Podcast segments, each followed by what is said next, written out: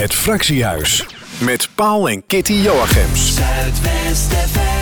Matthijs van Miltenburg, leuk dat je er bent. Welkom. Ja, dank. Ja, je bent uh, lijsttrekker voor uh, D66 voor Noord-Brabant. Dus voor de verkiezingen voor Provinciale Staten. Um, uh, wanneer zijn de Provinciale, Provinciale Statenverkiezingen precies in maart? Ja, die zijn al heel snel op 15 maart. Ja, dat gaat al opschieten. En ja, dat is echt ruim 60 dagen. En dan, ja, dan mogen de kiezers weer naar de stembus. En ze mogen... En dat is ook echt een, een ja, groot voorrecht, zou ik zeggen, waar gebruik van moet worden gemaakt. Want ja ja, de opkomstpercentages helaas worden eigenlijk elke keer minder. En het is toch echt van belang dat mensen, ook gezien de belangen, ja, toch die gang naar de stembus maken. Er valt iets te kiezen. D66 heeft hele duidelijke antwoorden op een aantal crisis. Denk onder andere aan het herstel van onze natuur. heeft zwaar te lijden onder eh, de stikstofcrisis. De bouw ligt voor een heel groot deel stil in heel Nederland, maar ook in Brabant. Want in Brabant hebben we een hele grote ja, sector als het gaat om uh, de intensieve veehouderij. Maar denk ook aan uh, wonen. Uh, ook dat is een grote zorg. ja, hoe komen mensen die gaan starten op de woningmarkt goed terecht op een plek waar ze thuis kunnen zijn, waar ze kunnen investeren in hun eigen toekomst, ongeacht de samenstelling van het huishouden. ook daar is een provincie ja, inmiddels redelijk leidend in. Als het gaat om de inrichting van Brabant. Ja, ja. ja even de partij overstijgend. Hè. Het is natuurlijk heel belangrijk dat uh, veel mensen gaan, uh, gaan stemmen. Uh, Provinciale Staten op 15 maart. Als mensen nou zitten te luisteren en die hebben zoiets van... ja, ik wil bij stemmen, maar ja, waar haal ik al, al die informatie vandaan? Kun je, kun je hen nog een goede tip geven? Ja, er is sowieso een goede website van de provincie. Neutrale informatie. www.brabant.nl daar staat ontzettend veel informatie over wat de provincie allemaal doet. Ook daar is overigens eh, informatie over het bestuur, over provinciale staat onder andere te vinden. Uh, dus ik kan iedereen aanbevelen om daar eens een kijkje te gaan nemen. Uh, ook een goede rubriek uh, nieuws, actualiteiten. Maar daarnaast ja, zou ik ook mensen willen uitnodigen om ja, de regionale media goed te volgen. Ja. En nou, ik ben hier te gast bij Zuidwest FM. Ik hoor al, er zijn ook andere politici. Dus uh, er komt een heel palet aan smaken voorbij. Precies. Dus ik zou zeggen, richting kiezer, uh, laat het u uh, ja, welgevallen en laat het ja. goed smaken. Ja, precies. Ja. Laat, je, laat je informeren en weet waar je. Um, ja, waar je straks uh, voor kiest, zeg maar. Uh, want je, je, je, noemde het al, je noemde al even een aantal kernpunten waar de provincie uh, onder andere over gaat. Hè? Want um, we zeggen natuurlijk altijd bij de gemeenteraadsverkiezingen is het belangrijk dat je je stem laat horen. Want het gaat over jouw straat, het gaat over jouw wijk, jouw dorp, jouw stad. Um, maar, dat, maar, maar niet alles is natuurlijk um, waar een gemeente over gaat. Ook de provincie ja. is natuurlijk daarin een, belang, een hele belangrijke schakel. Want die gaan onder andere over de wegen, over het verkeer, ja. over de trein, over de uh, bruggen. Maar wat zijn nou op dit moment uh, dingen die echt specifiek in deze regio uh, spelen? Ja, als we het hebben over West-Brabant. Ja, Kitty, je noemt het eigenlijk al. Het openbaar vervoer is een hele belangrijk, met name het busvervoer. Daar vindt opnieuw een aanbesteding plaats. Dus de provincie gaat bepalen ja, welke lijnen samen met marktpartijen die gaan inschrijven, welke buslijnen er nog blijven. Um, ja, in de toekomst. En, ja, en dat uh, wordt wel spannend hè, hier ja, in West-Brabant. Zeker, want we zien na de coronacrisis dat er eigenlijk steeds minder gebruik wordt gemaakt. Nog steeds, helaas, van het openbaar vervoer. Dat geldt zowel voor uh, de bussen, maar dat geldt ook voor de treinen. Overigens, de provincie gaat vooral over het busvervoer. En uh, ja, we maken ons grote zorgen, want ja, als er op een gegeven moment financiële gaten vallen bij die, uh, ja, die vervoerders, mm -hmm. hè, de ondernemers die het vervoer aanbieden. Want ja, dat is eigenlijk toch voor een heel groot deel een markt die geprivatiseerd is. Waar private partijen inschrijven en gaan bepalen tegen welke prijs ja, ze openbaar vervoerdiensten kunnen aanbieden. Ja, als er lijnen wegvallen, simpelweg omdat er nu al financiële gaten vallen, dat betekent eigenlijk dat mensen simpelweg in de kou staan. Dat er weer naar andere oplossingen gezocht moet worden. Uh, oplossingen die vaak ook duur zijn. Denk aan deeltaxis, denk aan de buurtbussen. Die gereden worden weliswaar met vrijwilligers. Maar ze rijden natuurlijk helaas ook nog niet allemaal op elektriciteit. En helaas is ook elektriciteit in deze tijden niet gratis. Nee, zeer uh, zeker niet. Nee. Ja, er moet geïnvesteerd worden. En ik vind het heel erg van belang, want we hebben het in toenemende mate in tijden van uh, ja, koopkrachtverlies ook over een bijkomend probleem. Is het probleem wat genoemd wordt vervoersarmoede.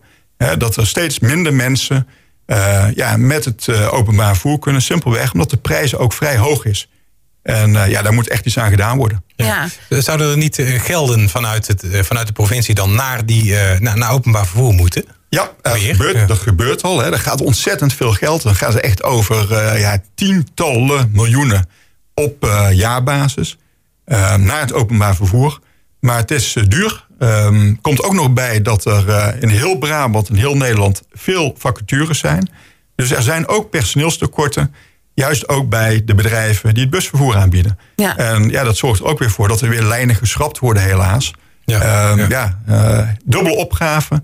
Uh, er moet meer personeel uh, geïnteresseerd worden voor het openbaar vervoer. Simpelweg, als er ook luisteraars zijn die zeggen van... nou, ik zou wel eens buschauffeur willen worden. Ga kijken op de websites van bedrijven. Ik zal ze hier niet bij naam en toenaam noemen... maar nee. u ziet ze wel rijden, de grote ja. wit-rode bussen... Uh, Google is. Um, want uh, ja, er zijn echt uh, heel veel buschauffeurs nodig. Er zijn heel veel mensen nodig, ook op kantoren. Um, ja, willen we alles ja, simpelweg laten rijden dan moeten er mensen zijn. Maar zeker, dan moet er ook geld vanuit de provincie, wat mij betreft, extra bij de komende periode. Ja, ja dat is belangrijk dat je dat zegt. Want um, ja, veel uitdagingen, alleen al op dit onderwerp. Um, maar als nu straks die uh, verkiezingen achter de rug zijn en het heeft uh, goed uitgepakt voor D66, wat verandert er dan in dat, uh, in dat busvervoer, in dat openbaar vervoer? Ja, wij gaan kijken naar slimme oplossingen. Dat betekent soms ook dat je gedeelde mobiliteit moet gaan aanbieden. Uh, we willen vooral ook zorgen dat er een hele goede aansluiting komt uh, van mensen die zeggen: we gaan naar een uh, wat we noemen een openbaar vervoerhub. Eigenlijk naar één plek van waar bussen, treinen gaan. En ja, als mensen zeggen, wat ook nog eens gezond is, namelijk veel bewegen op de fiets naar zo'n OV-hub, dan gaan we zorgen voor goede fietsenstallingen. Dan gaan we zorgen voor snelfietspaden. dan gaan we zorgen dat mensen echt ja, op een veilige, gezonde manier de fiets kunnen pakken. Uh, met zo min mogelijk obstakels, met zo min mogelijk stoplichten. Uh, ja, dan wel op een andere manier naar zo'n OV-hub kunnen... om van daaruit weer verder vervoerd te worden. Het zij door de NS, het zij door uh, busondernemingen. Ja, ja. dus um, wat jouw partij betreft ligt er een plan? Er ligt een zeker masterplan als het gaat om het openbaar vervoer. Heel goed. Ja, ja. ja dan een... ja. Ja, Ga je gang. Ja, een, een hekelpunt natuurlijk, moeilijk onderwerp. Uh, ja, de stikstof, hè, stikstofcrisis waar we, ja. waar we in zitten. Uh, waardoor ook de, de, polarisatie behoorlijk is toegenomen. Hè, de ja. voor- en de tegenstanders van uh, boerenbedrijven die wel of niet moeten, moeten blijven bestaan. Hoe staat D66 daarin? Ja, wij zijn heel duidelijk. De natuur heeft op dit moment zo ontzettend te lijden onder de gigantische stikstofuitstoot van onder andere de landbouw van verkeer, maar ook van industrie. En ja, de rechter heeft nu eenmaal uitspraken gedaan die in het belang zijn van de natuur, maar ik wil eraan toevoegen, die ook in het belang zijn op de lange termijn voor de mens. Want onze voedselvoorziening valt of staat met het voortbestaan van biodiversiteit. Dus als er steeds meer planten en dieren gaan verdwijnen en ja, eigenlijk Brabant is aan het verschalen, dan betekent dat op de lange termijn dat ook de boeren een probleem hebben met de voedselproductie dat ook wij, consumenten, die graag alles wat van de grond komt, uiteindelijk in onze mond kunnen stoppen, ja, dat die een probleem hebben. Dus we moeten met z'n allen om. Ik noem dat de landbouwtransitie. Uh, grote verandering om de landbouw te verduurzamen, maar zeker ook om de stikstofuitstoot zo snel mogelijk omlaag te brengen. De consequentie op dit moment van de rechterlijke uitspraken, die hebben gezegd: er valt op dit moment gewoon simpelweg niets meer te doen in Nederland van grote infrastructurele projecten, van grote bouwprojecten. Er zal eerst minder stikstof in de lucht moeten gaan.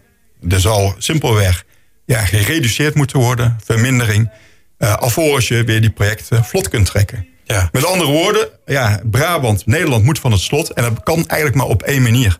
En dat is met name daar waar de grote winst te pakken is, de intensieve veehouderij om daar toch simpelweg samen met de boeren, samen met allerlei partijen die in die keten actief zijn. Denk ook aan de veevoederfabrikanten. Denk ook aan de supermarktketens. Om tot afspraken te komen. De boer moet nog steeds een goede boterham kunnen verdienen. En ik spreek regelmatig met boeren die ook zeggen: de schaalvergroting, het steeds maar meer opschalen, steeds meer meer beesten moeten houden om een boterham te kunnen verdienen. Simpelweg om de investeringen weer terug te kunnen verdienen. In grotere stallen, met meer beesten. Ja, we zijn er ook zelf wel een klein beetje klaar mee. Dus als het met minder kan en de liefde voor het boerenvak weer terug kan komen... Met ook duidelijke regels. Want die boer die wil ook zekerheid. Die wil weten waar hij aan toe is. Ja, dan zijn we eigenlijk allemaal daar voorstander van. Ook Ja. de boeren. Ja, we- nou zitten we hier in West-Brabant. Dus we hebben veel eh, invloed van, eh, van Antwerpen, hè, de industrie, eh, de grote bedrijven. Ja. Nog niet zo lang geleden hebben we hier ook een boer uit eh, West-Brabant te gast gehad. Die dus vertelde van, ja, we hebben het ook laten eh, uitrekenen... dat er toch ook heel veel stikstof hier in West-Brabant eh, neerdaalt... door die activiteiten in, eh, in Antwerpen, in Ja. om Antwerpen. Wo- Wordt daar ook nog naar gekeken? Ja, zeker. Want ook de Vlamingen hebben een gigantisch eh, stikstofprobleem. Dus ook daar worden maatregelen genomen. En nogmaals, hè, ik noem niet voor niks, eh, ook verkeer en industrie zullen eraan moeten gaan geloven in de zin dat we met z'n allen moeten gaan verduurzamen. Dat betekent niet alleen minder CO2-uitstoot, want heel veel mensen denken daarbij eh, daaraan als het gaat om verduurzamen. Dat is met name klimaatbeleid. Nee, het gaat ook om het terugdringen van fijnstof. Ehm, door industrie, door verkeer, maar ook door de landbouw. Fijnstof zorgt voor eh, luchtwegaandoeningen. Nou, in Brabant, eh, dat zijn simpelweg berekeningen die in Nederland worden gemaakt, leeft de gemiddelde Brabander één gezond levensjaar minder ten opzichte van de andere Nederlanders. Dat heeft alles te maken met fijnstof. En ja, we noemden het al, stikstof, groot probleem. Ook in het eh, havengebied van Antwerpen wordt veel uitgestoten door industrie. Maar er wordt ook veel door de landbouw in België uitgestoten. In Vlaanderen in het bijzonder. Dus ook daar moet het roer om. Overigens wil ik wel bij zeggen, ja, in Nederland wordt dermate veel geproduceerd dat we eigenlijk nog steeds de grootste exporteur zijn van stikstof. Dus Ja. ook al hè, wordt er, nou ja, je zou bijna kunnen zeggen, er wordt stikstof geïmporteerd, onder andere hier in eh, Zuidwest-Nederland. Ehm, nou, meer specifiek hier in West-Brabant, Berg op Zoom, waar ik hier eh, te gast ben. Ehm, ja, uit onder andere hè, het eh, havengebied van Antwerpen. Maar er wordt ook weer zoveel geproduceerd in Brabant. Ja, wat weer een bijdrage levert aan de export van stikstof. Dus ja, het is een Europees probleem. Ik ben bijzonder blij dat ik ooit vijf jaar in het Europees Parlement heb rondgelopen. Om Nederland te mogen vertegenwoordigen. Ja, dat ik daar ook wel redelijk mijn weg in weet te vinden. Zowel als het gaat om regels en beleid, maar ook ja, de mensen ken. En ik hoop dat ik met mensen in Brussel, met mensen in Den Haag. voordeel van de landelijke partij, D66. en een grote vertegenwoordiging, hopelijk na de verkiezingen. Als de kiezer mij het gunt, als de kiezer het onze lijst gunt, onze partij D66, ja, dat we echt kunnen gaan bouwen aan oplossingen door simpelweg de verbinding te maken tussen al die verschillende ja, niveaus van overheden. Brussel, Den Haag, Den Bosch, provinciehuis, Brabant.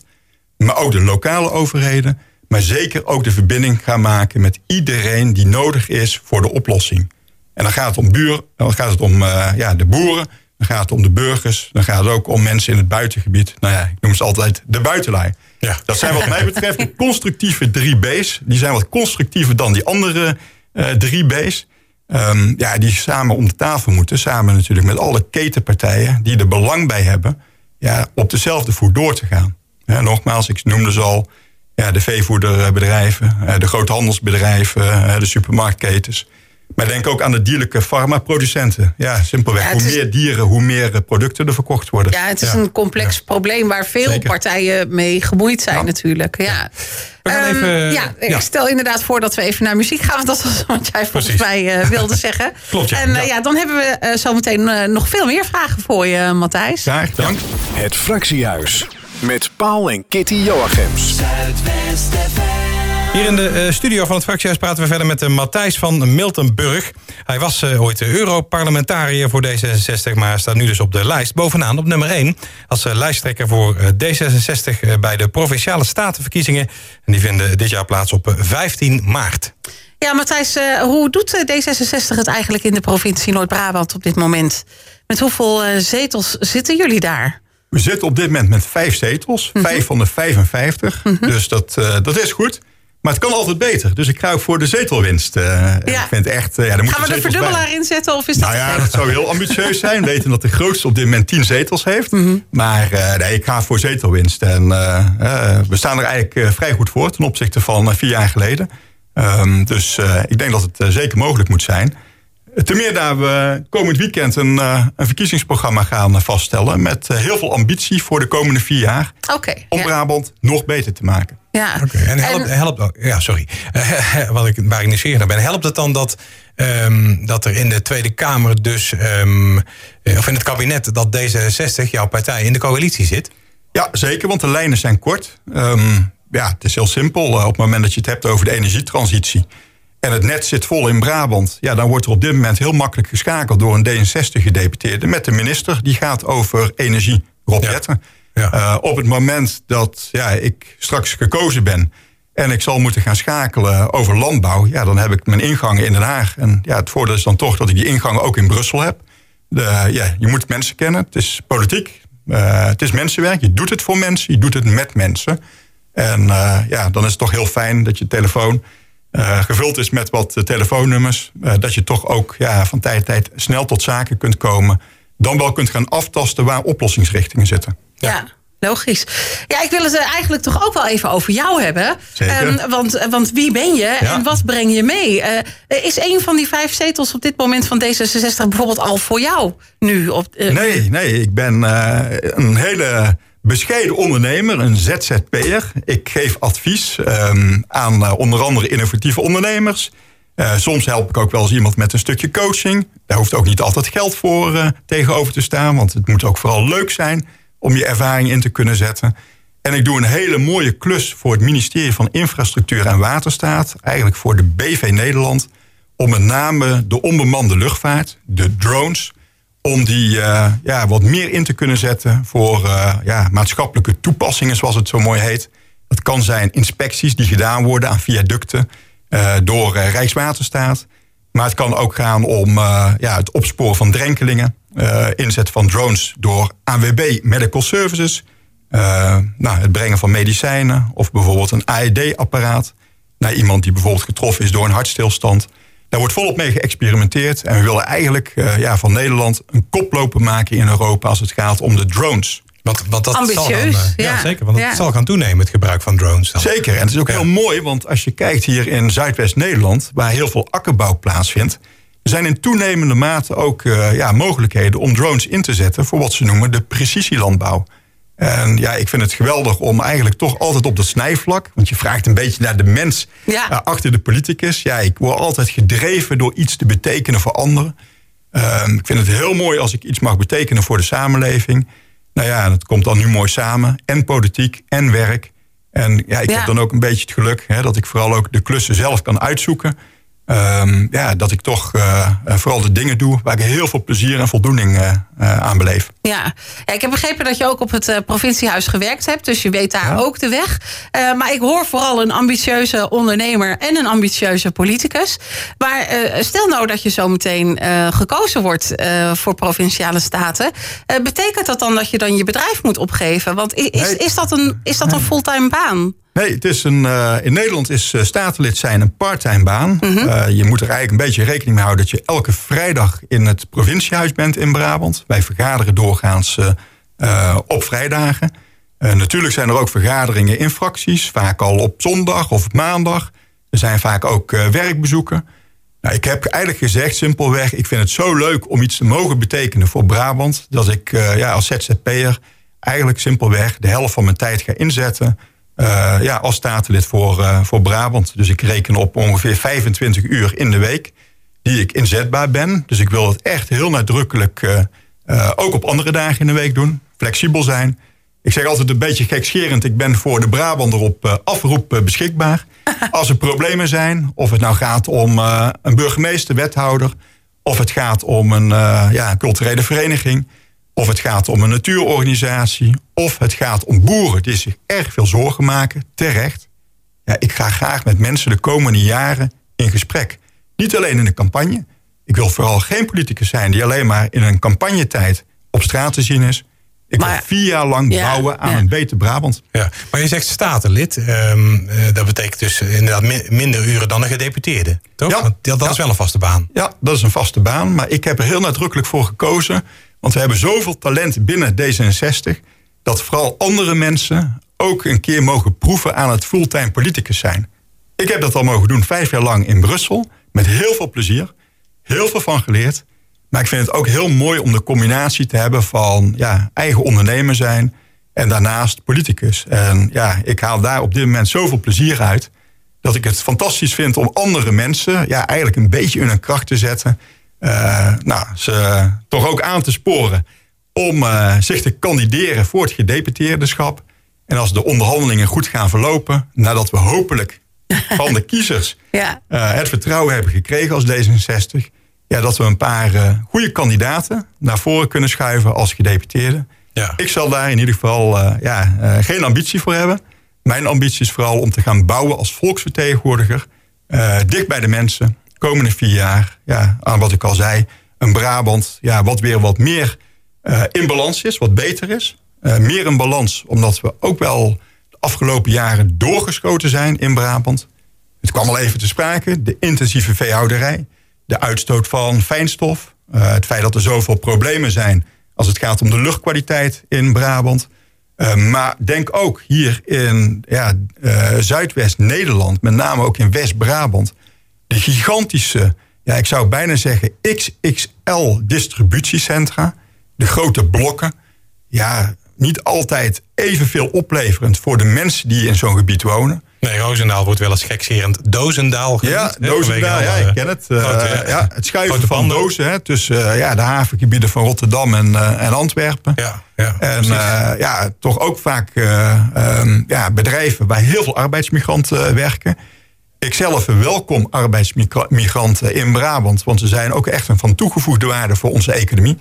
Ehm, wij bestellen met z'n allen pakjes, die moeten ook bezorgd worden door uh, de welbekende blauwe leverancier. Uh, uh, ja, die um, nou, simpelweg ook mensen in de magazijnen moet laten werken. als er onvoldoende Nederlandse arbeidskrachten beschikbaar zijn, is het heel fijn dat mensen onder andere uit Oost-Europa hier komen. Maar dan moeten ze wel ergens kunnen wonen. Ja. En alleen maar dozen schuiven en eigenlijk de problemen willen afwentelen. Als het gaat om bijvoorbeeld de woningbehoeften van de arbeidsmigranten op de lokale samenleving is voor mij geen goede oplossing. Ja. Dus het moet iets opleveren. De balans moet ja, positief zijn. Nou, daar hebben we het woord alweer. Brabant moet simpelweg meer in balans komen. Ja, nou, mooi, mooi gezegd. Ja, zeker. Um, uh, tot slot, uh, denk ik, als ik eh, zo'n beetje naar de tijd kijk... we moeten een beetje gaan afronden. Um, maar er zijn toch nog een paar dingen die ik nog even van je wil weten. Want het eerste wat je noemde in het interview was natuur. En bij D66 denk ik vaak ook wel aan natuur. Ik denk dan ook bijvoorbeeld aan Thierry de Heer. Hè? Die zal je ja, ongetwijfeld zeker. ook kennen. Ja, die in de, in de campagne voor de gemeenteraad ook boompjes uitdeelde... in de gemeente Woensdrecht. Um, als we kijken naar de natuur natuur in Brabant. Wat is dan voor jou het mooiste natuurgebied in uh, Brabant? Ja, ik vind uh, de Brabantse wal is geweldig. Maar ik ja, ben je bent een beetje natuurlijk wel aan deze kant ja, op Ik ben een nu, beetje hè? chauvinistisch. En ja. Uh, ja, ook nog niet helemaal, want de Campina... dat mooie gebied wat zo ligt bij, uh, bij Oosterwijk en uh, Bokstel... ja, daar ben ik met name de afgelopen twee coronajaar ontzettend veel gaan wandelen. Ja, onderdeel van de camp, hè, is dat? Uh, ja, het ligt eigenlijk nog zelfs iets uh, ten noorden van de Kempen. Maar ja. het is echt uh, ja, in de driehoek Eindhoven, Tilburg, Den Bosch. geweldig vennengebied.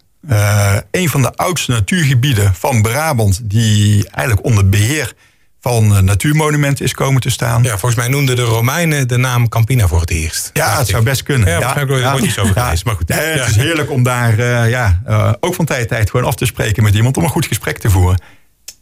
Ja. Mooi. Mooi. Ja. En dan tot slot, uh, uh, in het uh, politiek portret, wat we natuurlijk nu met jou niet doen, maar vaak hebben we hier politici in, in de uitzending die we in een politiek portret gewoon echt heel veel vragen stellen uh, over de persoon die ja. er is. Hè. Uh, daar hebben we, hebben we nu met jou de tijd niet voor. Maar ik wil er toch één vraagje uitpikken. Ja. En uh, jij voelt misschien, Paul, al wel aan welke vraag ik ja, ga stellen. Wat, wat normaal de 100.000 euro vraag oh, nee, nee, nee, nee, oh, nee, nee. Die, ik wil een andere gekozen. Nee, ja, ook eigenlijk wel. Maar ja, we moeten aan de tijd, we moeten aan de tijd denken. Nee, nee, ik denk eigenlijk aan een hele simpele vraag. Maar die vaak wel veel zegt, vind ik. Wat is jouw favoriete muziek, uh, Matthijs? Ja, ik heb een hele brede smaak. Maar uh, ja, ik vind bijvoorbeeld Raccoon vind ik zelf echt oh, leuk. ontzettend leuk. Uh, ja, uh, komen wel uit Zeeland, hè? niet uit ja, Brabant. ik weet het, ik weet het. Maar, maar dat ja, geeft het zou niet, voor de hand liggen om te zeggen Guus Meeuwis. ik vind het een geweldige meezinger, hè, met name Brabant. Het is dat het volkslied of niet? Het, ja, voor mij is dat het volkslied. Okay, maar ik vind Raccoon vind ik echt een geweldige groep van Nederlandse bodem. En niet zo heel ver hier vandaan. Precies. Dus ja, mooie, mooie muziek. Mooie teksten. En ook uh, ja, teksten die je van tijd tot tijd even op je moet laten inwerken. Vaak met een diepere bodem. Dus uh, nee, top. Ja, ik denk, ik kijk even naar Paul. Ik denk dat er zo wel uh, muziek van Raccoon komt.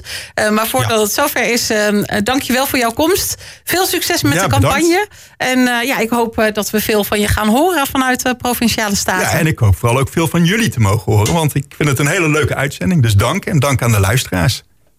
Ja, inderdaad. Ik heb de, ja, je noemde net de Raccoon natuurlijk, uh, Matthijs. Ik, heb, ik laat jou gewoon kiezen tussen uh, twee uh, nummers van Raccoon. Ik heb er twee klaarstaan. Um, Love You More of No Mercy.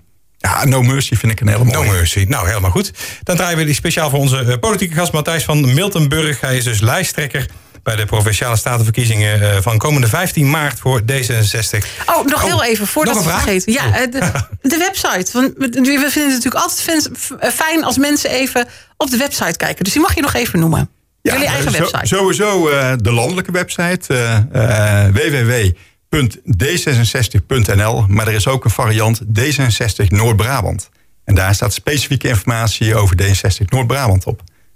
En daar kunnen ze ongetwijfeld meer over jou ook uh, zelf vinden. Zeker. En Ja. daar komt het de komende tijd nog steeds uh, ja, in toenemende mate extra informatie ook Ja. op. Ja, het en uh, mensen kunnen vooral ja. ook, uh, ja, uh, daar hou ik ook van, uh, makkelijk met ons in contact treden.